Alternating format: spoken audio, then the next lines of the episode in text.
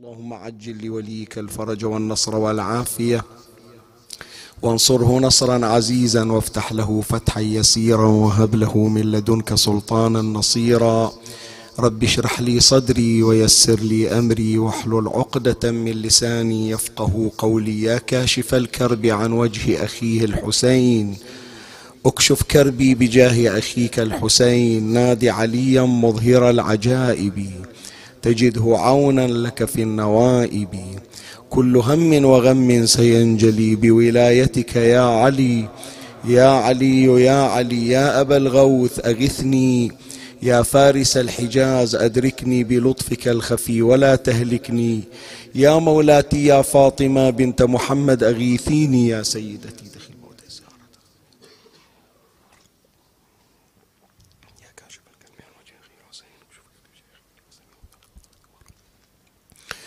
صلى الله عليك يا سيدي ويا مولاي يا رسول الله. صلى الله عليك وعلى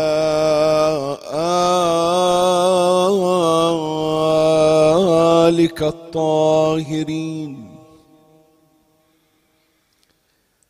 فاز من اعتصم بكم وأمن من لجأ إليكم.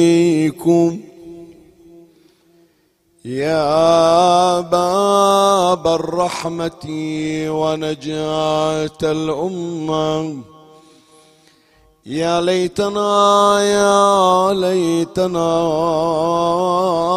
كنا معكم سعادتي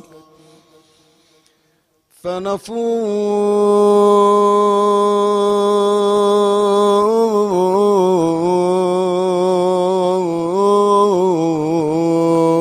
فوزا عظيما. ليس الغريب. غريب الدار والوطن. إن الغريب غريب الغسل والكفن. يا غريب يا مظلوم كربلاء لم أنس سبط محمد لم أنس سبط محمد في كربلاء بين الخباء غداة يوم العاشر. لم لم لم أنس سبط محمد في كربلاء بين الخباء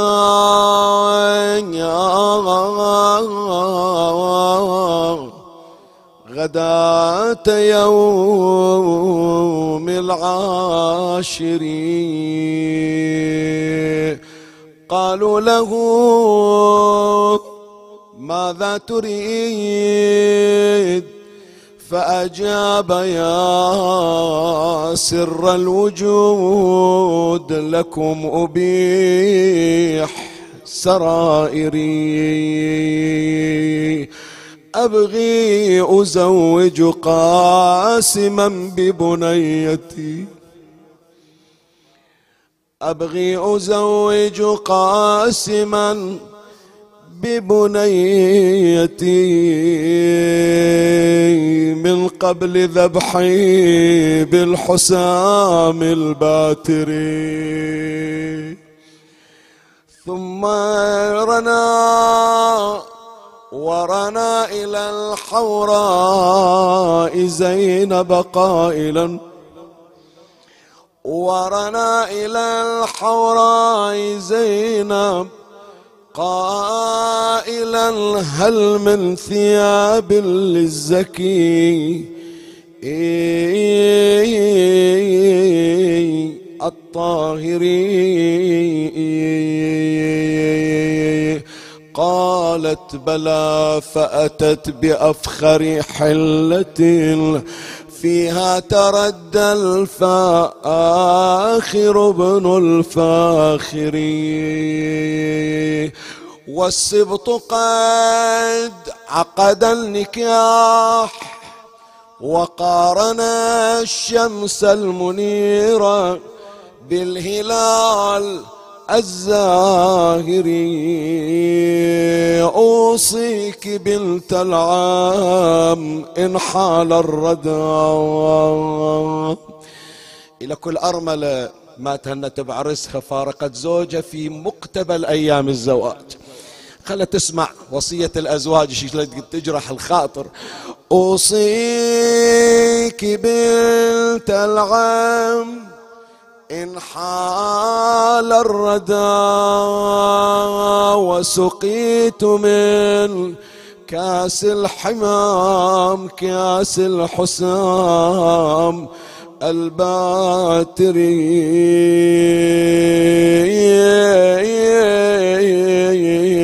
ابكي على الخد التريب ابكي على الخد التريب وظلل الجسم السليب عن الغبار العافري إيش هالعرس لك شر عليه.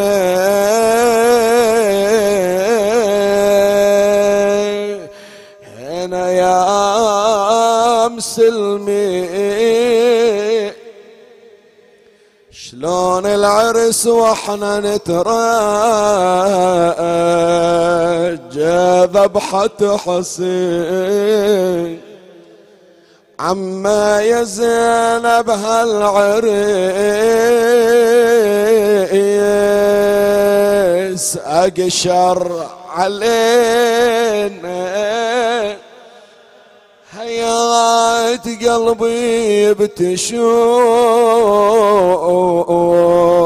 والبس الزينة. حامل الراية على الشريعة معفرين. شلون أنا اتهلوا بالفضيل؟ مقطوع اليدين حرق قلبك ترى هذا عرس الأيتام ها. اليتيم مزفوف على اليتيمه وما لهم أحد يكون إحنا أهل العلم. وإحنا الشباب اللي نوقف وياهم. وإحنا اللي نعوض كسرة أهل البيت بفرحة بس فرحة المأنوس بولائهم. والله يا عم لا يخلوني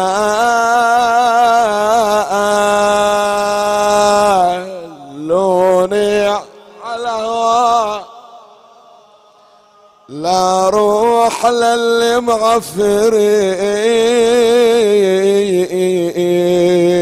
بجانب الماء من فيض نحر الاخضب شمالي وقل له يا عم الخيل حاطت بالصياوي. شوف الكثيرة شلونها. من عادة العريس تمشي خلفها ولا والزفة بزينة على جاري المعد وأنا يا عم معرسي من بين العباد شلون حاله مكسور قلبه وينظر. امام مطاعي إيش نسوي العريس؟ قولي يا عم الوالدي.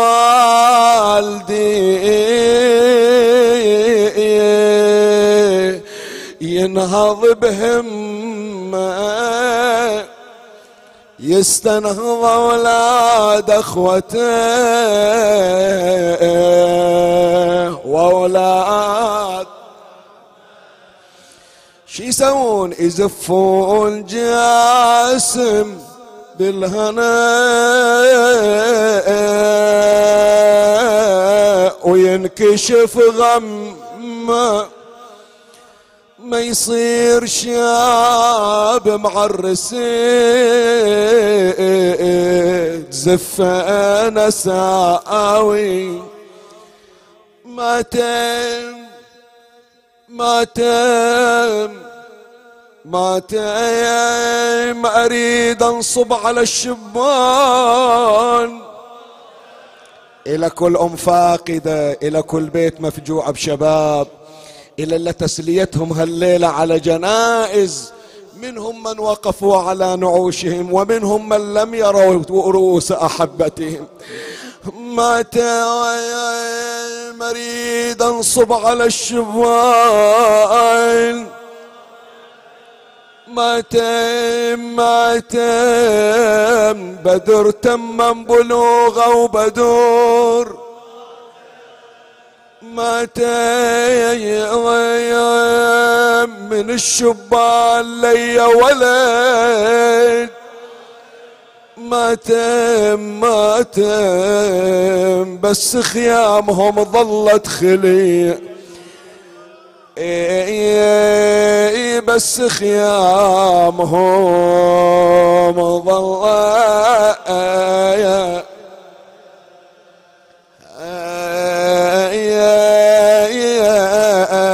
أدخلي.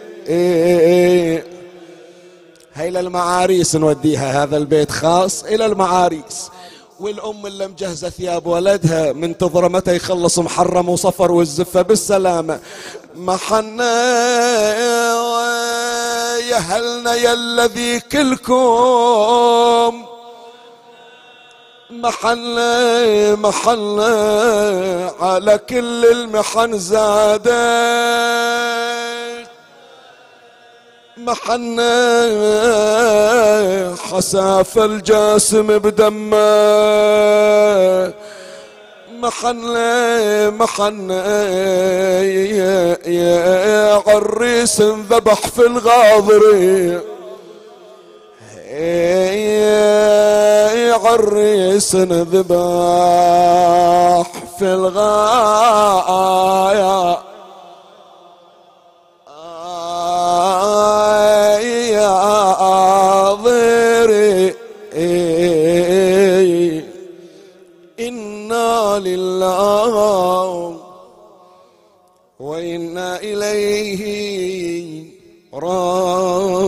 راجعون. قال رسول الله صلى الله عليه وآله لأمير المؤمنين عليه السلام. يا علي إنك أعطيت ثلاثا لم أعطى. قلت يا رسول الله وما أعطيت؟ قال أعطيت صهرا مثلي ولم أعطى. وأعطيت زوجتك فاطمة ولم أعطى. وأعطيت الحسن والحسين ولم أعطى.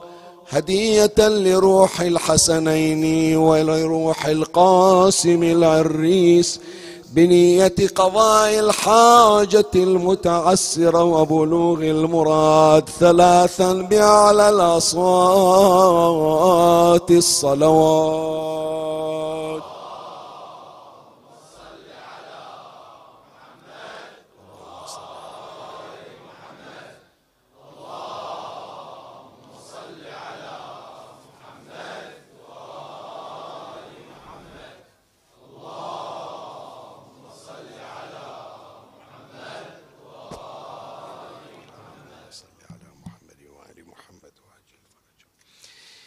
ابتدأ رسول الله صلى الله عليه وآله في هذا الحديث الشريف الذي أورده العلامة المجلسي على الله مقام في بحار الأنوار في الجزء 39 صفحة 89 ابتدأ رسول الله صلى الله عليه وآله ببيان مجموعة من العطايا الربانية لأمير المؤمنين عليه السلام. مرة هذه العطايا الربانية مشتركه بين أمير المؤمنين وبين غيره. مثلا أعطاه العصمة وسائر الأئمة معصومون. أعطاهم العلم وسائر الأئمة من أهل العلم وهكذا أمور مشتركة. لكن هناك أمور خاصة بأمير المؤمنين سلام الله عليه. من هذه الأمور الخاصة النبي صلى الله عليه وآله ذكر ثلاث. مو معنى هذه كل الأمور الخاصة. لا هناك أمور متفرد فيها أمير المؤمنين. لم يشارك فيه أحد. مثل شنو؟ مثل ولادة علي بن أبي طالب عليه السلام في الكعبة. هذا ما نعتقده نحن الشيعة. أن أمير المؤمنين عليه السلام ولد في الكعبة. لم يولد رسول الله صلى الله عليه وآله. وهو أعلى قدرا من أمير المؤمنين عليه السلام. لم يتسنى هذا الأمر لأي أحد من أهل البيت. هي حالة فريدة فقط لأمير المؤمنين من عطايا رب العزة الربانية لأمير المؤمنين.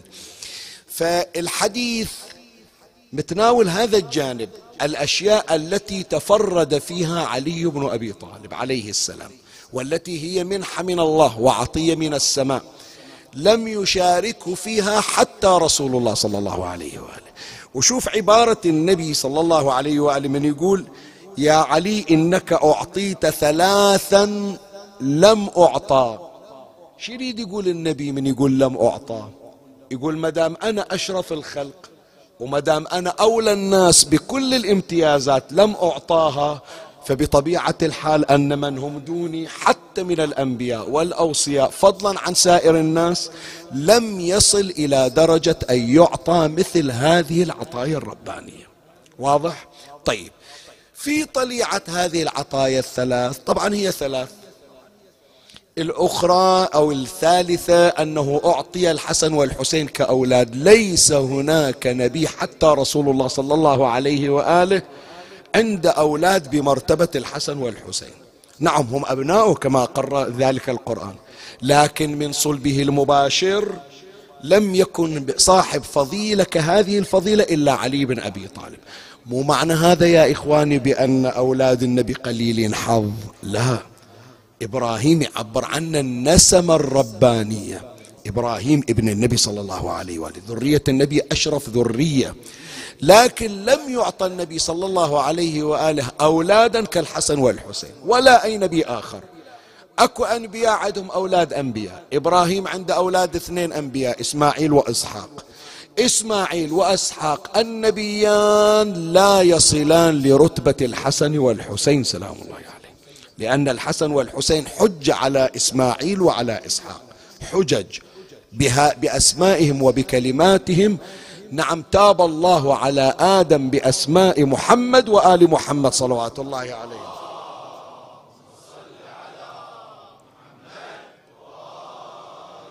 العلامة المجلسي على الله مقام في بحار الأنوار الجزء 12 يقول أن الله لما أو لما قذف إبراهيم من المنجنيق إلى النار هي تحتاج من عندك إلى صلوات مرتفعة. لما قذف إبراهيم من المنجنيق إلى النار نجاه الله من النار لما دعا بأسمائنا فكانت بردا وسلاما عليه.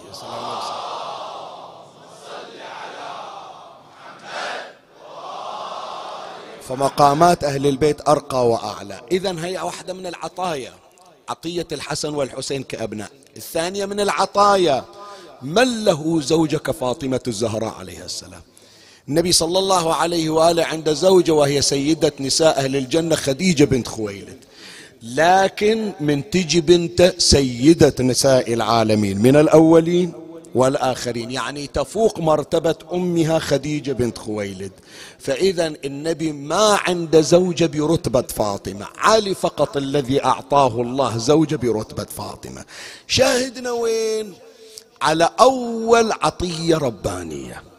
أن الله أعطى لعلي صهرا كنبينا محمد صلى الله عليه وآله.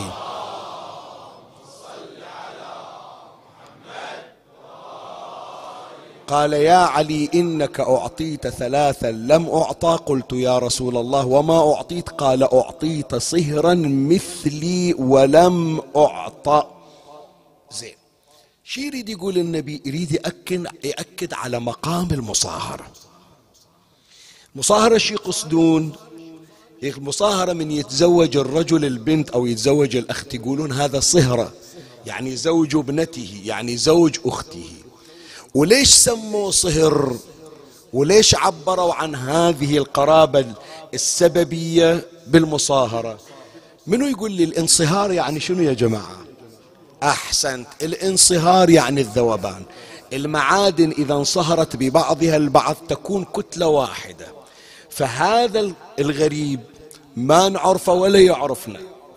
تقدم إلى بنتي تقدم إلى أختي. تم الزواج الميمون. بينهما ما يقولون هذا واحد أجنبي ما يقولون هذا واحد غريب. صار خلاص من العائلة ربط بيننا وبينه نسب. نسب سببي قرابة سببية. صار همنا مشترك صار تفكيرنا مشترك. ما نعتبره شخص غريب. قبل الزواج أمي كانت تتغطى عليه. الآن يوم أخذ أختي كانت أمي صارت أمي تنكشف عليه. زوجتي ما أخليها تطلع عليه. عقدنا صار خلاص هذه عمته صارت. فجاي النبي صلى الله عليه وآله يبين قيمة المصاهرة. وإحنا راح نوقف عند هذه الميزة والعطية لأن هذا العنوان جدا إحنا بحاجة إليه خصوصا إحنا في رحاب سيدنا القاسم ابن الحسن عليه السلام صهر الإمام الحسين عليه السلام. هذا لعله هذا لعله قليل يثار مع العلم هو بديهي. بس ما أراد الحسين أن يخرج القاسم من هذه الدنيا إلا ويتوج بتاج المصاهرة كما توج بها جده علي بن أبي طالب سلام الله عليه يعني. لما لهذه الميزة ولما هذا وبما ولما بهذا العنوان من فضل ومن كرامة ومن درجات كما سيمر علينا فإحنا حديثنا هذه الليلة الحلقة الثانية من سلسلة قصة الإمام الحسين عليه السلام دروس لكل الأجيال. نقف عند هذا الدرس قيمة المصاهرة عند أهل البيت. وهذا حتى يستفيد من عند الجميع. العالم كله يستفاد. شلون إحنا جايين نقوي روابط الأسرة؟ في زمن أصبحت الأسرة فيها مهددة بالانهيار ومحاولات كل يوم تطلع محاولة. يريدون يفككون الأسر. يريدون يعيشون كل واحد فرد كل واحد بمفرده بحاله لا ينتمي لا إلى أب ولا إلى أم ولا إلى إخوة ولا إلى أخوات. ولا تكبر الأسر لأن الأسرة الكبيرة صيانة إلى الفرد. شلون صيانة إلى الفرد؟ الأسرة الناضجة الأسرة اللي فعلا مترابطة. ما أقول المتدينة المتدينة من باب أولى بس أي أسرة ناضجة ترى هذه سياج وصيانة. أشاركك همومي تسأل عن أحوالي. إذا أتعرض إلى إغراء إذا أتعرض إلى مراودة إذا البنت تتعرض إلى تحرش إلى شيء من المضايقة وجود الأسرة يحسسها أو يحسسها بالإطمئنان والاستقرار. عدها سند تلتجئ إليه. وكل ما كبرت الأسرة شلون تكبر الأسرة؟ خلي يجيبون ذرية إيش قد راح يصيرون هذه الذرية؟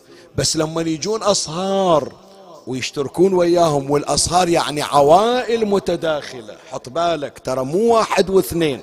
شباب الصهر مو زوج تزوج بنتي أو تزوج أختي لا.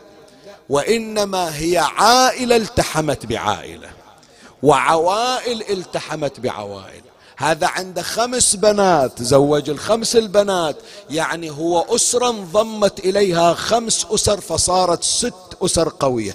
شيخنا الأسر متفككة والنزاعات. إيه إحنا نحكي عن الأسرة المثالية التي يدعو لها أهل البيت سلام الله عليها ويدعو إليها الإسلام الذي جاء به نبينا محمد وآل محمد صلوات الله عليه.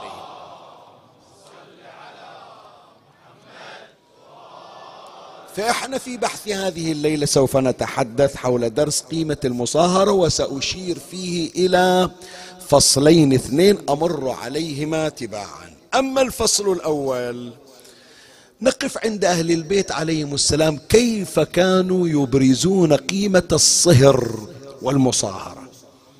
شلون يعرفون الناس بأن هذا العنوان عنوان جدا مهم؟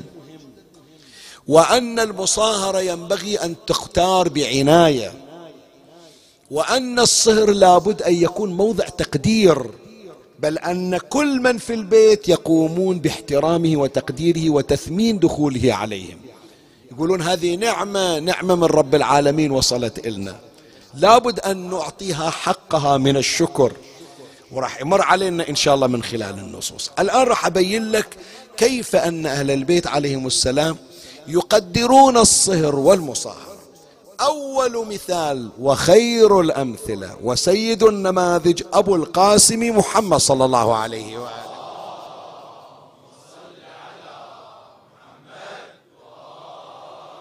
خلي أقرأ لك مقطع من خطبة النبي صلى الله عليه وآله في زواج أمير المؤمنين عليه السلام من الصديقة الزهراء صلوات الله عليها. النبي خطب خطبة النكاح. ما راح أقرأ لك الخطبة كلها يهمني موضع الشاهد. يقول رسول الله صلى الله عليه وآله الرواية في بحار الأنوار الجزء 100 صفحة 267 قال إن الله تبارك وتعالى عظمته جعل المصاهرة سببا لاحقا. يعني أكو قرابة يسمونها قرابة نسبية ذول إخواني وخواتي أنتسب معهم لأب وأم صاروا ذول أقربائي. بس الصهر صار نسيب شلون؟ بسبب الزواج. فصار حكمه حكم إخواني أعامله معاملة الإخوان. ليش؟ لأنه اتصل بي سببا. قال جعل المصاهرة سببا لاحقا وامرا مفترضا. حط بالك الكلمات يهمني أوقف عندها وشج بها الأحلام وأزال بها الآثام وأكرم بها الأنام. فقال عز وجل من قائل وهو الذي خلق من الماء بشرا فجعله نسبا وصهرا وكان ربك قديرا. طيب هي العبارة مرت علينا خطبة النبي صلى الله عليه وآله في زواج الزهراء من علي عليه السلام. ثلاث كلمات النبي صلى الله عليه وآله بين من خلالها فوائد الصهر. هذا الضيف الجديد اللي اجى وصار واحد من البيت. إيش جاب وياه من فوائد؟ أول فائدة النبي صلى الله عليه وآله يقول وشج الأحلام. شنو يعني وشج الأحلام؟ الأحلام يقصدون بها شنو؟ يقصدون بها العقول مو الطيف المنامات. لا ركز شوية. الأحلام يعني العقول. فلهذا يقولون أن الذي يصل إلى سن التكليف يقولون بلغ شنو؟ الحلم. شنو يعني بلغ الحلم؟ مو معناه بأنه حط راسه وغفت عينه وصارت عليه جنابة؟ قالوا بلغ الحلم يعني أجن. لا. يقولون الآن ابتدأ عقله يتكامل فلهذا صار مكلفا. فالصهر من يجي؟ يقول وشج الأحلام. شنو يعني وشج الأحلام؟ يعني جمع العقول. دخوله المفترض أن يكون موضع ترقية عقول الأسرة. وصدق. كم واحد يا إخواني؟ أنا أضرب لك أمثلة وفعلا موجودة. الصهر إجا غير من طباع فاسدة كانت موجودة في الأسرة. خلي أضرب لك أمثلة سريعا. وهذه الأمثلة مو افتراضية لا لا. على صعيد الواقع. الآن أكو بعض الأشخاص عندهم نظرة سلبية. واسمح لي عمي شوية ما يخالف. بين هلالين أتوقف في هالكلمة. وأتمنى يا أحبتي يصير عندكم متسع صدر وهذا هو ظني الحسن فيكم سواء الحضور الكرام أو حتى عبر البث الافتراضي أو واحد يسمع المجلس فيما بعد. داعيكم الحقير صاحب البضاعة القليلة أو أي خطيب من من الخطباء من أساتذتي وزملائي. مرة من المرات يجي يوجه إلى أمر من الأمور يقدم نصيحة على المنبر يستثمر هذا الموسم. يستغل هالعشرة أيام هالثلاثة عشر يوم. الحضور مختلف منقطع النظير. ما نقول ماكو حضور طيلة أيام السنة أكو حضور قوي. لكن حضور بهالزخم بعض الأشخاص أصلا ما يحضرون المجالس إلا في أيام عاشوراء ترى. زين. فيقول هي فرصة أنه أنا نصيحة أوديها وهم أوج أكو إعلام قوي يمكن أنه مقطع ينتشر ويأثر في الآخرين. وتجي النصيحة خصوصا إذا توفر فيها عاملان أولا لسان منضبط وموزون وأذن متحررة وصاغية. ثنتين. واحد يعرف يحكي واحد يعرف شنو يسمع. ترى هذا فن يا إخواني فن الإلقاء فن وفن الاستماع فن آخر. فطلعت كلمة أو نصيحة من خطيب ووصلت إلى مسامع أشخاص وجه إلى أي نصيحة من النصائح. نصائح روحية دينية سلوكية أخلاقية إلى غير ذلك. زين. المفترض النصيحة إذا كانت في موضعها. شنو دورنا إحنا يا إخواني؟ شنو دورنا؟ خلي أسمع. شنو دورنا؟ نعمل بها. واحد بعد. أحسن. ترويجها. انت عزمت ببركات حضورك في المجلس ان تعمل بها واقتنعت. اكو واحد أصلا مو سامعنها فانت لما تنقل هذه النصيحة كمقطع أو كتغريدة أو ككتابة وتحث عليها تكون عامل في النشر والترويج. بعد اكو شيء مطلوب من عندنا لو لا؟ فكر فيها شوية. ثلاث ثواني سريعة. شنو فوق هالأمرين؟ فوق العمل بها وفوق ترويجها. شنو مهم؟ أنا أقول لك. تعطيها طاقة إيجابية حتى تحسس الناس بأن هذه النصيحة كنز لابد أن يعمل به. اليوم أي مشروع تريده ينجح لابد تشوف إلى مناخ محيط يجيبون مجموعة من المشاهير. شوف مشروع من المشاريع. اسمعني. مشروع من المشاريع يريدون يتنمى ويريدون يكبر. يوم الافتتاح يجيبون إلهم شخصيات. يسوون احتفال يسوون مهرجان يوزعون هدايا يبثون الإعلانات في الطرقات من أول البلد إلى آخر البلد صور ذاك المشروع. هذا ليش؟ شنو السبب؟ السبب يعطيك طاقة إيجابية بحيث خلاص ينترس دماغك من المشروع. تالي أنت من اللاوعي تشوف نفسك تدعو إلى ذاك المشروع. فإحنا نصايح أهل البيت عليهم السلام. لابد نعطيها طاقة إيجابية. شلون الطاقة الإيجابية؟ أعرف نفسي هي النصيحة صعبة علي. أقول أسأل من الله أن يوفقني. شفت واحد مثلا سوى شيء مثل ولدنا الله. يبارك بي ما أدري من أي منطقة ما أعرف. شال إلى علاقة شي اسمه المزاب الحشاكم قام يمشي وينظف الطريق. الأد... الأدعية إجته. الله يبارك فيه. هكذا الحسين يربي شيعته. هذا دعائك شي سأعطيه؟ طاقة إيجابية. شلون الطاقة الإيجابية تنقل عدوى؟ تالي الولد الثاني يوم شاف هذا في مقطع الكل يدعي له. قال ليش ما أسويها أنا؟ فتنتقل عدوى الخير. زين إيش أريد أقول؟ شوف كل اللي قدمته حتى أقول هالكلمة. واحد يطلع لك يقول شيخنا لا تحاول ما يفيدونك. سنين تحكى ومو أنت أول واحد. ولا عمرنا راح نتغير. وابدا خليها للمتحضرين اللي برا. خلينا والله إحنا نفشل والله. ليش؟ قل خيرا وإلا فشنو؟ وإلا فاصمت. حاول أن يكون كلامك كلاما ايجابيا مؤثرا في الآخرين. ليش دائما أنت تكون عامل محبط؟ قد واحد مستعد أنه يستجيب على الأقل يتعاطف وياها. ليش دائما يجي بعض الأقلام؟ ما أدري بعضها أنا أقول أحسن الظن. خصوصا يستغلون مواسم. ما أقول واحد يقول شيخنا إذا ما نعلق علق بألف عافية. بس أقول الآن هذه أرض خصبة. أرض الحسين. أيام عاشوراء هي مزرعة الحسين هي حديقة الحسين. نحصل في سائر الأيام عطايا من الحسين. لكن هذا اليوم العطايا والثمرات من الحسين ثمرات طازجة تقتطفها من شجرة أبي عبد الله مباشرة. مي مخزنة لا جاية بوقتها. فإنت تصير عامل إيجابي في النشر لا تصير مثبط اعطي الآخرين فرصة أنهم يحسون بلذة نصائح الإمام الحسين وصاحب العصر والزمان. عجل الله فرجه الشريف. زين فنيجي الآن يجي هذا الصهر ليش أقول لك أكو أمثلة إيجابية؟ حتى لو مثل واحد أكلب بيه حتى تصير عدوى هذه النماذج وتنتشر عندنا. يجي هذا الصهر إلى بيت. أول بنت تزوجت وأول صهر دخل إلى البيت. شاف وإذا الأب ما يكلم البنات ولا يكلمون الأولاد. إيش سوى هو؟ بأسلوبه الدبلوماسي. يقعد ويا الأبو. يعزم الأبو يسولف وياه يسوي له لطايف.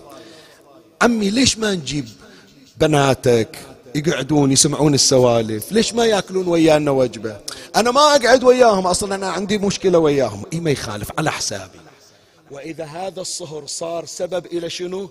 إلى إرجاع المياه المتوقفة إلى مجاريها. وصار وجود الصهر بركة. بعد أكو مثلا عدم نظام في البيت. فرض على مستوى المصاريف فرض على مستوى كذا حتى الالتزامات الدينية. ما كانوا يصلون بأول الوقت. إجاهم صهر متدين. قال الله أكبر يا الله أولاد عمي حطوا المصلى حطوا التراب قوموا نصلي تالي نكمل سوالفنا. ما يريدون يخسرونه وقفوا. أثر فيهم جعلهم يصلون في أول الوقت. طب الصهر إلى البيت. وهذا الكلام طبعا للذكور والإناث. أحيانا الصهر أحيانا التشنة ما سامعين عن صلاة الليل بعد مو مصلين صلاة الليل لا شافوه ذيك الليلة طالعين برحلة وقف صلى صلاة الليل. جربوا صلوا له ركعتين. صار هذا الصهر مؤثر في المكان. الجلسة كان فيها في الزوارة غيبة. قال لهم رحم الله والديكم. لا تخربون علاقتكم مع الله وأهل البيت. ما يخالف احتراما إلي. ومرة وثنتين من الحياة امتنعوا على الأقل يوم واحد في الأسبوع. صار الصهر مؤثر لو لا؟ فالنبي صلى الله عليه وآله يقول من فوائده وشج الأحلام يعني تترابط العقول ويستفاد من الصهر. بعد من فوائده إزالة الآثام. شلون إزالة الآثام؟ أنا أقول لك. هالعائلة ما تحكي ويا هالعائلة وهذه موجود وما أكثرها. متخاصمين أقارب لكن متخاصمين. الولد قال ما أريد إلا بنت فلان. عمي ما نحكي ويا عائلتهم. قال ما لي علاقة بعائلتهم. لي علاقة بالبنت خوش بنت أنا اخترتها. إي ما شفت لها العائلة قال ما أريدها إلا هي. تزوج منها. صار هذا الزواج سببا لكف المشاكل بين العائلتين. زين بتنا راحت عندهم شلون نروح نعاديهم ونحكي عليهم؟ يعني تحجون على بيتكم على بيت بيتكم. بالأخير أحفادكم صاروا بذيك العائلة فكأنما تحجون على لحمكم ودمكم. فصارت المصاهرة سبب إلى شنو؟ الإثم الموجود بين العائلتين. المشاكل خفت ما انقطعت خفت ببركة المصاهرة. هذه أشار إلها النبي صلى الله عليه وآله. منها بعد قال أكرم الأنام. شلون أكرم الأنام؟ واحد لما يتزوج واحد وهذه دائما أنا أقولها تذكروها. أنا لما جاني الولد ما اخترته. عندي ولد الله عطاني إياه ما اخترته. شلون ما اخترته؟ لا أدري شلون راح يطلع لونه لا أدري مستقبله شلون راح يصير. أتمنى إليه يصير على خط أبوه لا ما راح يصير خط ثاني. هذه عطية رب العالمين. بسلبها وإيجابياتها. سواء كان على حسب ما أتمنى الحمد لله رب العالمين. الله ابتلاني بولد غير صالح ولد عاق. الحمد لله أسأل من الله هدايته. الولد ما أقدر أختاره. هذا رزق من مثل ما أقدر أختار أمي وأبويا ما أقدر أختار ولدي وبنتي. لكن الصهر بعد ما تقدر تختاره لو تسأل عنه وتدور فعمي الصهر كنزك اسمعوا يا جماعة بعدي بعدي أنا في أثناء الحديث. جاي أنا جاي أحضرك الآن. جاي الليلة أعرفك قيمة الأصهار هذا أنت تعبان عليه منقلنا. يجون إلى سيارة يمكن عندك موديل 88 85 بيعها قديمة قال ما أبيعها مطلعنها من الوكالة وتعبان عليها أعرف كل برغ فيها. ما أبيع. قطعة حديدة تتكنسل اسم الله عليكم بحادث ذبيتها بالمزبل. في, في, الخرابة ذبيتها صحيح لو لا؟ بس هذا لحم ودم شايل اسمك واسم عائلتك وأولاد حاملين اسمك. هذا أنت مفارزنا على الفرازة. ما خليت عائلة إلا سألت عنه وما خليت شخص يقول هذا تسألت عنه قالوا ماكو مثله وقولوا فعل. أطلع أسافر يصير هو الولد هو اللي داير بيت باله على البيت. فهذه نعمة ترفع راسك بيها. أن الله تبارك وتعالى وفقك في زوج صالح لابنتك أو لأختك فكان لك صهرا. هذا أول نموذج يذكره النبي صلى الله عليه وآله في تعريف قيمة الصهر. نجي إلى نموذج ثاني. للإمام زين العابدين سلام الله عليه. من أروع الأمثلة يا إخواني. السبب اللي خلاني أرتب هذا المجلس هذه الرواية اللي أتمنى دائما في كل مجلس أتعرض لها واللي على إثرها راح أخلي الإسقاط. الرواية يرويها العلامة الكليني على الله مقامه في أصول الكافي الجزء الخامس صفحة 338 روايه عن الإمام الصادق عليه السلام. قال كان علي بن الحسين زين العابدين عليه السلام. كان علي بن الحسين عليه السلام إذا أتاه ختنه على ابنته. ختنه يعني شنو؟ زوج البنت يسمونه ختن.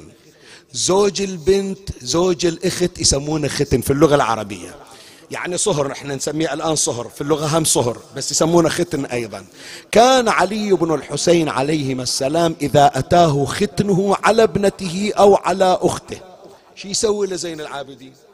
إذا قاعد بديوانية إذا قاعد بدرس إذا قاعد يقرأ قرآن ودخل عليه زوج بنته أو زوج أخته شو يسوي زين العابدين؟ الإمام الصادق يقول قال بسط له رداءه شنو يعني بسط له رداءه فكر فيها شوية مثل ما نقول إحنا المساند موجودة المفارش موجودة الكراسي موجودة. لا يوقف الإمام زين العابدين على حيله وينزع بشته العبايه الرداء.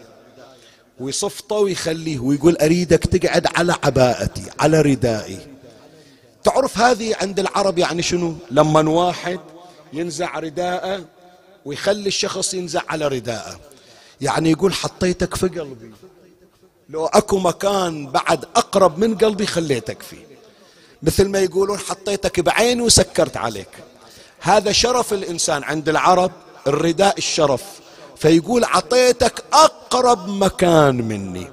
قال بسط له رداءه ثم أجلسه. ثم يقول حط بالك أرجوك ابوس إيدك من الموضوع كله هذه تمني هالعباره ثم يقول مرحبا بمن كفى المؤونة وستر العورة. الله. شوف شنو من تقييم عند الإمام زين العابدين شنو من رقي في التعامل. يقولون له ليش مو أخير أنت إمام وهذا مأموم؟ قايم إلى والمفروض هو أنت بعد عمه. هو اللي يقوم لك مو أنت تقول. قال هذا كفى المؤونة هذا أطلع أسافر. هو اللي يصرف على بيتي يقولون هذول عائلتي. يغار على بنات عمه يغار على عمته على مرته. يغار على الأسرة ما يقصر عليهم يقول بيتي هذا بيتي عائلتي. وهذه بنتي راحت إليهم. صار هو ستر عليها عند غيرة مضاعفة عن غيرتي وغيرة إخوانها. هذه أثمنها هذه رحمة جاية من الله. من هنا يا أحبتي؟ أقول هالكلمة. أنا ترى في البداية خلي أقول لك شيء مو من النوع اللي أحب أني أنا أنقل المشاكل الموجودة في البيوت. مرات تجي وما أكثرها إلى غاية اليوم. لو أراويك الآن الموبايل شيخنا احكي أحيانا تجي رسائل مطولة تحتاج من عندي وقت وأنا أعتذر يعني من عندهم. لأني أنا مشغول دائما طوال السنة في تحضير مستمر. فيعز علي شيخنا هي المشكلة اذكرها هي تفاصيل اذكرها. أنا ما أحب أني أنا أذكر المشاكل بتفاصيلها. ليش؟ لأنها تخلق حالة ظلام وسواد في العين تجاه الأسر. تقول مع الأسف هالشكل صار مجتمعنا هالشكل صارت بيوتنا هالشكل صارت أسرنا. معقولة يعني؟ بالفعل مرة من المرات أذكر أنا بعض القضايا على المنبر واحد قال عمري سبعين سنة ما سمعت هالقضايا هذه صارت. مع العلم أن إحنا نحاول نجيب أهون الأضرار. أستاذنا وأخونا العزيز أبو طار شيخان البناء عند من القضايا ما يشيب لها منها الرأس اللي يعيشون في مجال المشاكل الاجتماعية تمر عليهم قضايا الله أكبر تقول وين إحنا صايرين. فلهذا أنا أتباعد ما أذكر هالقضايا بتفاصيلها. لكن إذا عرفت أن أكو مشكلة وأكو بعض الظواهر والحاجات. عوض أنه أنا وظيفتي على المنبر أنقل مشاكل وأتركها عائمة فقط من باب الإثارة وما أخلي علاج. لا هذا مو حل موضوعي. إيش أسوي؟ غير عندنا بالبحرين أمثلة يقولون برز الدواء قبل ويش قبل الفلعة أنا الفلعة الآن مو صوبي. أنا خلي أقدم لك الأدوية. الأدوية من وين أجيبها؟ من محمد وآل محمد صلوات الله عليهم.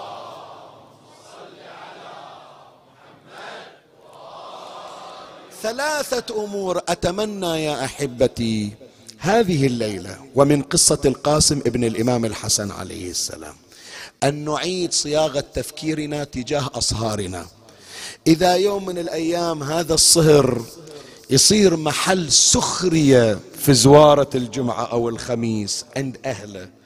يجي جايب زوجته وجايب أولاده خلونا نروح بيت بابا عود خلنا نسلم عليهم. لأنه غريب مو من العائلة لأنه تو جاي ومؤدب ما يريد يرفع لسانه لأنه مراعي إلى حرمة العم والعمة. يتعرض إلى تنمر يتعرض إلى تجري يتعرض إلى سخرية يتعرض إلى استخفاف. نعم موجود. أنا أقول أكو نية حسنة بس أقول ما هكذا كان يتعامل أهل البيت. ليش أقول لك تذكر رواية اللي ذكرتها الآن؟ الإمام زين العابدين. هذا الصهر اللي يجيك شلون تعامله؟ ثلاثة أبوك. أولا اعرف مقامه الديني الذي وضعه له نبينا محمد صلى الله عليه وآله.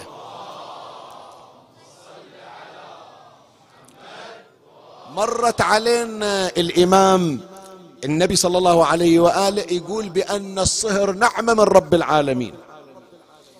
أمير المؤمنين عليه السلام يوم من الأيام كتب إلى معاوية مجموعة أبيات قال محمد النبي أخي وصهري وحمزة سيد الشهداء عمي وجعفر الذي يضحي ويمسي يطير مع الملائكة ابن أمي وسيدة النساء سكني وعرسي منوط لحمها بدمي ولحمي. وسبطى أحمد ولداي منها فمن منكم له سهم كسهمي اللهم صل على محمد وآل محمد. ردوا علي يا شباب هذا اللي يحكي منو؟ منو اللي يحكي؟ علي بن أبي طالب. منو علي؟ قسيم الجنة والنار. ميزان قبول الأعمال. من ردت له الشمس مصلي القبلتين الضارب بالسيفين الطاعن بالرمحين الساقي على الحوضر. صاحب بدر وحنين. امتيازات. لكن يقول يوم الله عطاني مرة مثل فاطمة وصهر مثل أبو القاسم ما حد يعادلني في هذا الشرف. فأنت هذا الصهر إلى مقام ديني.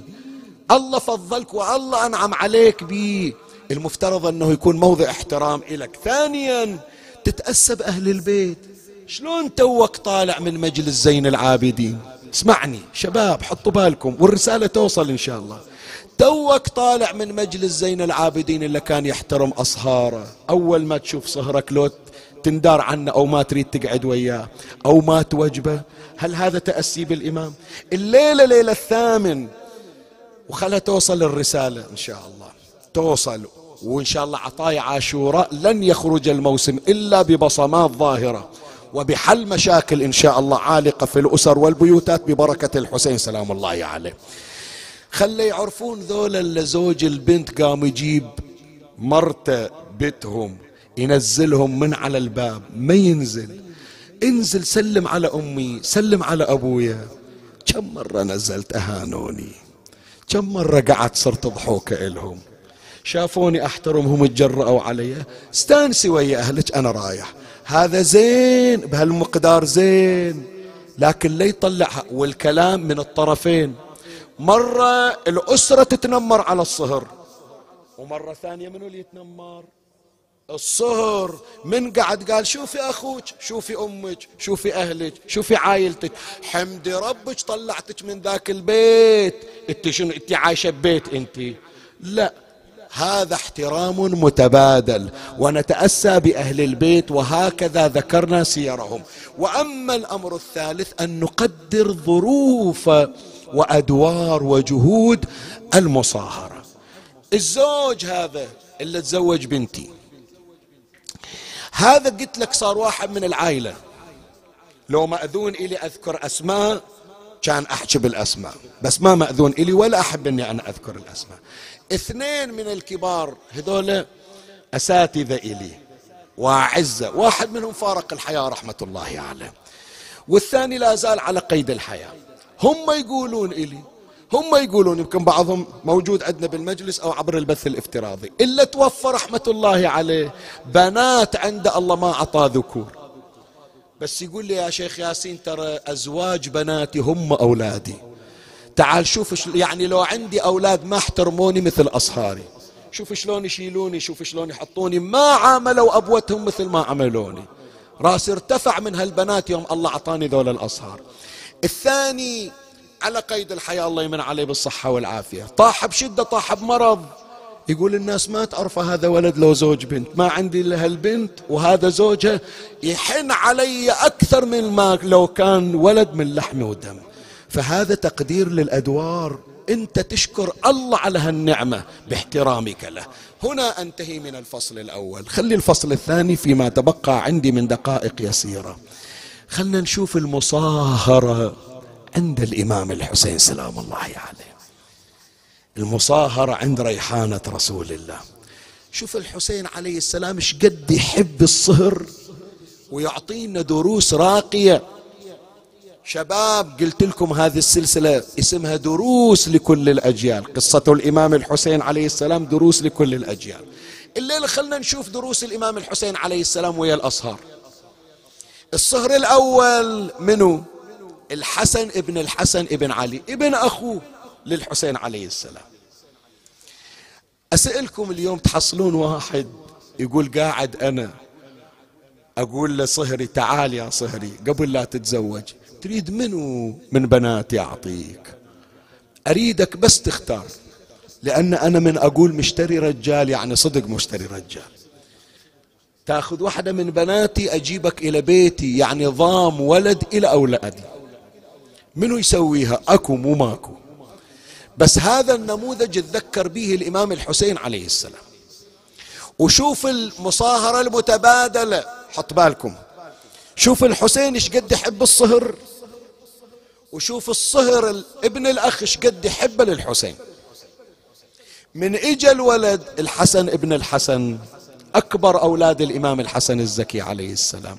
هذا كان في معركة الطف وتعرض إلى الإصابات ولم يقتل وطلعوه أخواله وعاش فيما بعد وصل عمره ثمانين سنة. الحسن بن الحسن ابن علي. من إجا إلى عمه قال شوف يا عمي أنا يهمني أنه أكون صهرك. وأصير رجل واحدة من بناتك. أختار أو تختار أنا أتمنى أنت تختارني. الحسين يقول له رأيك أنا أختار لك؟ قال اختيار الله واختيار الحسين. ومن واحدة من بناتك ناقصة حاشاهن. كلهن سيدات الكمال. فخلي أنقل لك الرواية اللي يرويها المحدث القمي العلامة على الله مقامه في كتاب الكنا والألقاب. الجزء الثاني صفحة 465 قال إن الحسن بن الحسن ابن علي خطب من عمه الحسين عليه السلام إحدى ابنتي فاطمة أو سكينة. يقول له عندك بنات ثنتين في سن الزواج ما جاي أنقي أنت تختار لي.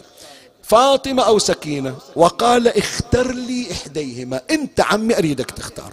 فقال الحسين عليه السلام قد اخترت لك ابنتي فاطمة.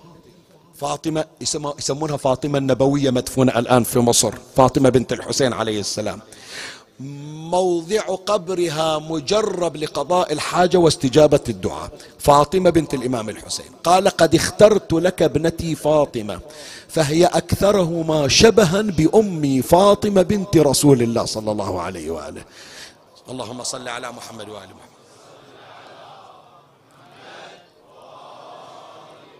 ثانية وثالثة لذكر الزهراء عليها السلام.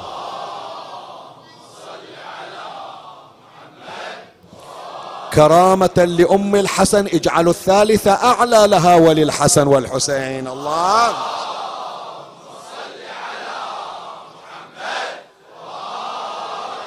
يقول له من أزوجك بنت فاطمة كأني مدخل أم الزهرة ببيتك.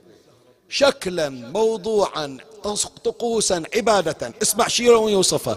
قال أما في الدين فتقوم الليل كله وتصوم النهار. وأما في الجمال فتشبه الحور العين. زين خلي شوية أوقف عند هالعبارة هذه وراح أكمل لك الرواية. بس أول أوقف. شايف واحد يوصف بنته إلى واحد متقدم إلها؟ يقول ترى بنتي أجمل بنت يا ريت تاخذها. منو يسويها؟ لا اليوم بعض الذكور يقول لك لا أنا شنو أدلل على بنتي؟ شنو بضاعة هي؟ يريد ياخذها من غير ما يشوفها عاجبنا ولا يروح؟ بنتي مو بايرة. بس ما يعرف بأن هذه رحمة من الله ساقها إليه. وما يعرف أنه هذه إذا ستر عليها هذه باكر راح تشيل أسماءك راح تطلع ذريتك. من هذا الشخص اللي اخترته. فالصهر الصالح المؤمن المتدين الولاء يشلب به خصوصا إذا كان من أهل الدين وأهل الأخلاق وأهل السلوك الحسن وأهل خدمة أهل البيت. هذا تطلع لك بيت ولائي. يقول له أنا أعرض عليك صفات بنت فاطمة وأقول لك خذها ما أريد أعطيها لواحد غيرك. وأما سكينة فغالب عليها الاستغراق مع الله تعالى. فلا تصلح لرجل. مو بيها عيب حاشاها. بس يقول عندها مشاريع مثل مشاريع أبوها. هذه تشتغل ويانا. ما راح تقوم بلوازم الزوجية لأنها متوجهة إلى الله في مشاريعها. هذا لون من ألوان المصاهرة عند الإمام الحسين. اللون الأخير مسك الختام. عمي وين سمعنا عن واحد زوج بنته وهو اللي لبس زوج بنته ثياب العرس؟ منو يسويها؟ وين رايح حجي؟ قال الليلة عرس بنتي. أريد أروح لزوج بنتي أزف عليها. أنا اللي ألبسه أنا اللي أعطره أنا اللي أبخره أنا اللي أوديه. هذا باكر هو راح يصير ستر بيتي. منو يسويها؟ لا يقول لا عيب علي. اليوم البعض يقول عيب علي. واقف ويا زوج بنته تعال اخذ دروس من الإمام الحسين عليه السلام. هذه الرواية الأخيرة. وهي مسك الختام يرويها السيد هاشم التوبلاني محقق البحرين أعلى الله مقامه ومحدثها في مدينة المعاجز. الجزء الثاني صفحة 64 قال السيد هاشم البحراني فمسك الحسين عليه السلام على يد القاسم وأدخله الخيمة وطلب عونا وعباسا. روايتين أكو. رواية أن القاسم قتل قبل أبي الفضل العباس. فإذا لما نادى الحسين أخي عباس هذا من باب التفجع لأن العباس كان موجود آخر من قتل. هذا رواية. أكو رواية ثانية يا إخواني. شوية حطوا بالكم الليلة فقط إثارة سريعة. أكو رواية أن آخر من قتل القاسم بن الحسن. آخر شخص قتل القاسم بن الحسن يعني حتى بعد أبي الفضل العباس. ولهذا اكو بعض المجالس حتى عندنا بالبحرين اكو مجالس ليلة العاشر يقرون على منو؟ على القاسم. اكو عندنا بعض المجالس عند بعض الأحبة ليلة العاشر يقرون على القاسم. ليش؟ لأنه آخر قتيل. فملا عطية يوم اللي يقول أخذه وقف به على الأجساد مستند على نص. الآن النص ثابت صريح أو ليس بصريح بس أقول أكو قول بأن آخر من قتل القاسم ابن الحسن. وقد يكون السبب أن الحسين من حنان على أولاد الحسن يريد يأخرهم إلى آخر الأشخاص. على أي حال؟ قال فمسك الحسين على يد القاسم وأدخله الخيمة وطلب عونا وعباسا. وقال لأم القاسم ليس للقاسم ثياب جدد. جايبة وياه ثياب جديدة. قالت أبو علي جايبة إلى أجفان غير جاي للشهادة هو. ليش أجيب له بعد ثياب جديدة؟ الثياب الجديدة لو نريد نزفه لو نريد نعرسه ضامنها بالمدينة. بس جايبت لنا للموت. جايبت لنا حتى أوديه في موكب الشهادة. فقالت لا فقال لأخته زينب ائتيني بالصندوق. فأتت به إليه ووضع بين يديه ووضع بين يديه ففتحه وأخرج منه قباء الحسن وألبسه القاسم وعلى رأسه عمامة الحسن ومسك بيد ابنته التي كانت مسماة للقاسم فعقد له عليها رواية السيد هاشم ورواية الشيخ الطريحي. وأفرد له خيمة وأخذ بيد البنت ووضعها بيد القاسم وخرج عنهما. يقول يا وليدي أتمنى بأنه يوم القيامة من ألاقي أبوك. وسايلني أبو علي يوم عطيتك هاليتامى وقلت لك دير بالك عليهم. إن شاء الله طلعوا من الدنيا متهنين. إن شاء الله ما انكسرت خواطرهم. حسين انت حنون على الأيتام. وهذولا أنا تركتهم بعدهم أطفال صغار. واحد عمره ثلاث سنين واحد بعده ود سنة. وكلهم شباب وبنات صغار. ما خلوني أتهنى وياهم. حتى ساعة الموت ما قدرت أخليهم صوبي. أتمنى آخذ القاسم وأقبله لكن شو أسوي؟ من أريد اضمه أشوف الطشت كله كبود قدامي. أخاف يشوف أبوه كبده توقع يتروع الولد. يظل واقف على الباب عين طالع أبوه على الفراش. لا أقدر اضمه لا أقدر احضنه من جوني ودعوني قالوا بابا ليش لونك أخضر؟ ليش رجلينك مورمة؟ أربعين يوم يا أبويا ما خليتنا بحضنك. فيا أبا عبد الله انحرموا من حنان الأب صير أنت الأبو يا أبا عبد الله يا أبا الأيتام يا حسين احسبنا من أيتامك يا أبو علي. ترى ضايعين من غيرك يا حسين. فسلمتم إلك أبو علي بشرني شلون أولادي؟ إن شاء الله تهنوا بحياتهم إلا وياك يا حسين ما يضيع. كان الحسين يقول له أراويك يا أبو محمد أولادك إيش صار بيهم؟ هذا واحد منهم عبد الله بن الحسن إيد اليمين مقطوعة والسهم في حلقه. وهذا الثاني عمره 13 سنة طلع من الدنيا وراسه مفتوح نصفه فعلى الأقل بني قاسم يكون سويت إلك حاجة أواجه بها أبوك الحسن.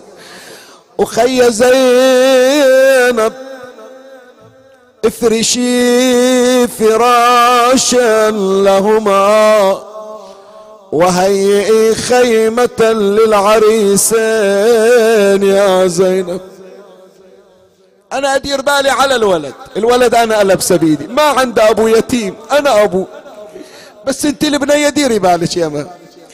جاءت مولاتي زينب إلى البنت المسمات قالت لها بني قومي. قالت عم إلى إل قالت إن أباك عزم أن يعقد لك على القاس. صرخت ونادت وحسين يلا عمي ليلة أيتام هذه. بس قول لي عمك الليلة إحنا سبع ليالي من نونونا نقول نريد نزفها إلى كربلاء. الليلة بنكسر العادة. إي والله. الليلة هاي الونة ما بنوديها كربلاء. تالي تالي في التشييع بنوديها لكربلاء. بس عبي ذاك القبر المظلم اللي ما حطوا عليه شمعة. إلا إذا يجي واحد من وراء الحايط عند السور يريد يقرأ الزيارة قال اطلع حرك لا توقف. وهالقبر المظلم قال يلا لا توقف عنده. عم الليلة بكربلة طلعت المواكب. اسمعني إيش أقول لك. وخيمة القاسم شبوا بيها القلوبات يا أهل كربلة يلي تسمعونا. اللي راحوا كربلة الليلة شايفينها منورة انها ليلة معاريس. والبقيع عمي حطوا له شمعة لا ماكو شمعة إلى فخلي نطيب خاطر الأبو. لا يقول انكسر عرس ولادي أريد ونه مميز الليلة. مالي عين يا عم أعرس الولي مذبوح. يلا شباب. مالي عين. عرس والولي من قلبك جر الونة. مالي عين. عمه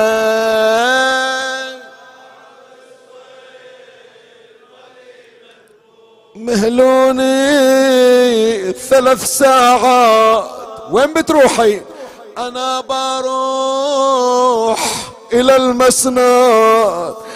بشوف العام حيلو مات. واجيب خضاب من دمه.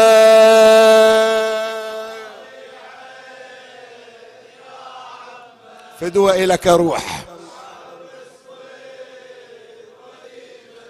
يا عمد ارحمي حالي. ما حد في الناس أمثالي. شبيها بنت العزيز. عروس وفاقد رجالي بضحوة يوم يا عمي.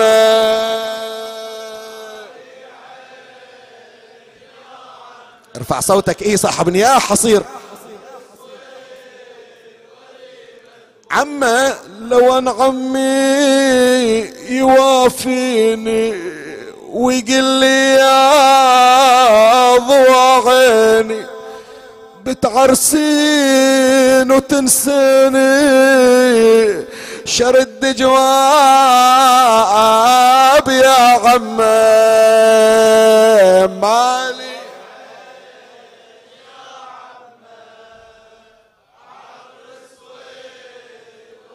الأمهات الليلة رملة ما بين النساء.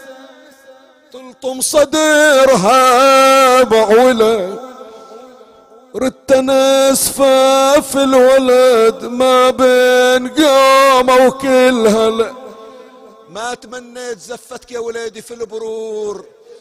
تمنيت هناك أوديك المدينة وقعدك بمسجد جدك. وأدور بالشوارع أقول شوفوا هالولد هذا اللي كنا قمر. وأسوي لك ضيفة سبعة أيام يجوني هنوني مو في البر وكما أسمع إلا صوايح ونوايح. رملة ما بين اللسة تلطم صدرها معولة ردت نسفة في الولد بوجود قومة وكل هلا البيت عليك. ما دريت يصير عرس ابني بوادي. انظر عمام على الغبرة وضحايا اخوته شلون بتزفون جاسم وهو ما عنده نصير؟ والعرس ويا الجنازة بيوم واحد ما يصير. جذب ولا وصاح أنا أدري بهالولد عمري قصير. لكن ابن أمي وصاني شلون أخلي زفته؟ زين قرينا على العروس وقرينا على الأم. خلينا نشوف الشباب إلهم حق. وقف أبو 13 سنة مثل القمر. إيه لزمة ركاب سكينه وعمته بخدة شمة. ومن الحزن مهضومة طلعت تنادي أمه. يا ابني يا جاسم هالوكيت حيلك لعمك ضمه. لليوم أنا ذاخرتك بالك تخيب ظنوني. قالها أوصيك يمه وصية. سمعين لفظ جوابي. دلل يا وليدي يما شبان لو شفتيهم ذكري يا يما شبابي. اسمعني. عقب الذبح يا يما لا تطلعين ثيابي. وأنا العرس ما أريد وصوب القبر زفوني. ولا ليت ولا ليت ولا ليت يا جاسم يا قمر ليلي. ولا ليت ولا ليت ولا يا ريت نفعتني. ولا ليت أنا اشكثر اشكثر سهريت عد مهدك. ولا ليت أقول في الكبر وتحن علي. أقول للكبر وتحن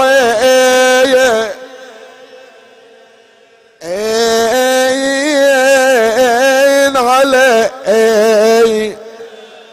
عظم الله أجوركم أحسن الله لنا ولكم العزاء. قال أرباب المقاتل. قال إمامنا الحسين يا قاسم تمشي برجلك إلى الموت. قال وكيف لا يمشي برجله إلى الموت؟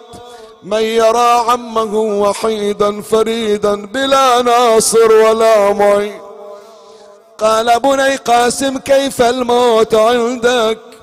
قال في حبك أحلى من العسل. فاعتنق الحسين بن اخيه قال أرباب المقاتل حتى وقعا على الأرض مغشا عليهما. فتصارخ من كان في المخيم من النساء وحسين. وإذا بمنادي القوم يا حسين اجبلت عن القتال. فقام ابن الحسن مصلتا سيفا إن تنكروني فأنا نجل الحسن. صبط النبي المصطفى والمؤتمن هذا حسين كالأسير. المرتهن بين أناس لا سقوا صوب المزول. عظم الله أجوركم يقول حميد بن مسلم خرج علينا غلام. وجهه كشقة قمر بيده سيف وعليه قميص وإزار وفي رجليه نغلان إذ انقطع شسع نغلين صيحة صيحة بين البقيع وبين كربلاء انحنى ابن الحسن يسويها. وكان إلى جنبه عمرو بن نفيل الهزدي قال عليه آثام العرب ليفجعن الحسين في هذا الشباب. ثم أنه شد عليه يا الله. والولد الصغير مطرق برأسه ضربه بالسيف على راس ألا من مناد وقاسم. اسمعني اسمعني. طاح الولد طاح. صرخ صرخة أدركني يا عما. أقبلت الخيل تجول في الميدان فسحقت على صدر القاسم. خرج حسين مهرولا من المخيمات حتى وصل عند جسد الولد رمى بنفسه عليه. ثار الغبار والقسطال منجلت الغبر وإذا الحسين متمدد على ذلك الولد. قتلوك فجعوني. قاسم فتح عينك يا حبيبي. خلي أسمع صوتك. إيش سويت بعمك؟ ما ظل عندي أحد ما ظليت إلا أنت. مخلينك تسلي ابن أخو ابن أخو ابن أخوي ابن عمك. تاخذ بخاطرة. أشو رايح عني قاسم؟ كل ما يحرك خده ما يتحرك القاسم. قل ليش عاجلك على الموت لم جنة قبل ما زفك وبالعرس تتهنى. يا عمي الحسن بيك شعتذر منه في الجنة ويشوف ابنه بهالحال. ربيتك يا عمي وعيني بعينك وتنطر العرسك واحسب سنينك وتاليها يا جاسم أسمع ونينك وأشوف دايسه بصدرك الخيال. قوم يا وليدي اوديك ما أحطك على التراب عندي جنايز على التراب لكن أنت الغالي ولد الغالي. شال الولد. بس يقول حميد بن مسلم ويا ما شاله شفنا شيء غريب. شفنا موقف أول مرة نشوفه. يمشي الحسين ورجلين القاسم تسحب في التراب قلنا هالولد أبو 13 سنة إيش قد طوله يعني؟ شلون رجلينه تسحب؟ اقصر في الحسين أم طول في القاسم؟ يقول حققت النظر وإذا بظهر الحسين انحنى شهالظهر عمي شهالظهر اليوم مكسور وعلى القاسم مكسور وتصعد عليه أربعين حافر وتكسره بعد. يلا شيع الجنازة. جنب ومدده ما بين خط بجاعدهم يا ويلي وهم موت بس ما سمع للنسوان. إلك البيت إجت رملة تصيح. اسك الختام. أوقف عند هالكلمة كل سنة لازم أقراها. وإجا الحسين شايل الولد على صدره. وطلعت النسوان. وقدام النسوان أم الولد. شافت ولدها جاي قالت ها زفوه وليدي. متحيرين قبل ساعة على حنة شو حنوها الحين؟ هالحنة هذه من شنو؟ دم على خده وعلى رأسه. تريد توصل تاخذ الولد من عند الحسين إجت زينب شبقت على رملة. ها مولاتي ليش مانعتني قالت مكانك رملة. قالت أريد ألحق على وليدي لا يموت. خاف تطلع روحه. قالت زينب رملة شوفي الحسين مفجوع وقلبه مكسور.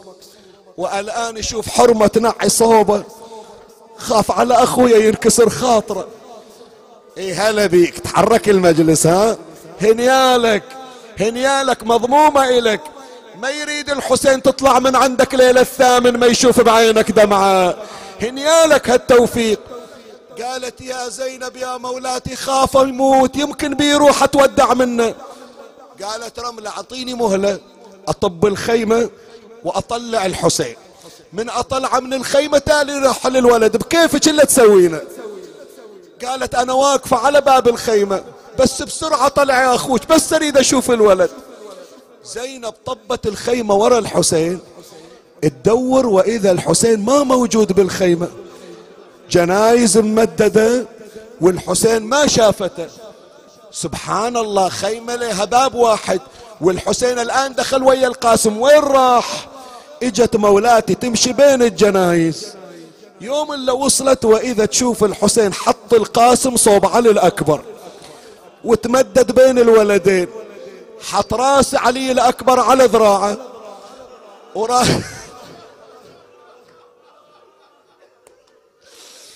الله يساعدك يا أبو علي الله يساعدك يا حسين يعني لو خلوا الحسين طلعت روحه قبل لا يشمر حزن احرق راس الأكبر على ذراع راس القاسم على ذراع. ساعة يلتفت صوب علي الأكبر ويصيح ولدي ولدي علي. يريد يلتفت يم القاسم حبيبي قاسم. إجت زينب انحنت عليه قوم أبو علي خاف تموت على أولادك قوم يا حسين. شالت الحسين أبا عبد الله اطلع اطلع خلي النسوان طبا قال مو مفجوع يا زينب. قالت أطلعك وأروح وين وياك ويا زين العابدين وخلي الأم تجي. وطلعت وإجت عاد أم الولد. ويلي يا ابني يا ابني ولا مال ولا مال أنا ردتك ما ردت.